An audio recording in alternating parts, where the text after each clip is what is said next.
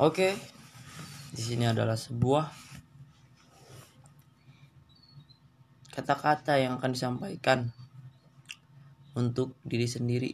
Bagaimana kita cinta dulu terhadap diri kita sendiri. Bagaimana kita tahu kekurangan diri kita sendiri. Bagaimana kita tahu apa yang membuat diri kita bahagia bagaimana kita tahu apa yang dapat atau keahlian kita terhadap sesuatu?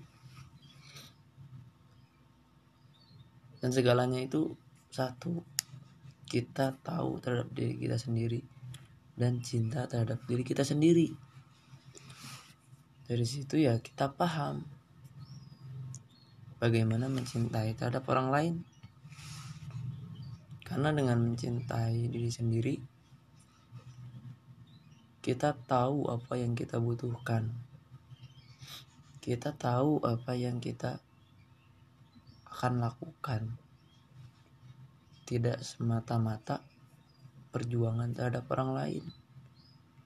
Karena pemikiran kita pada akhirnya berbeda sudut pandangnya saat berhubungan dengan orang lain. Itu jelas. Tinggal kitanya saja. Harus paham. Karena semua itu akan ada waktunya dan dengan berhubungan dengan orang lain atau cinta terhadap orang lain tidak akan selamanya konstan. Tidak akan terus menerus yang hanya bisa mencintai itu dirimu sendiri.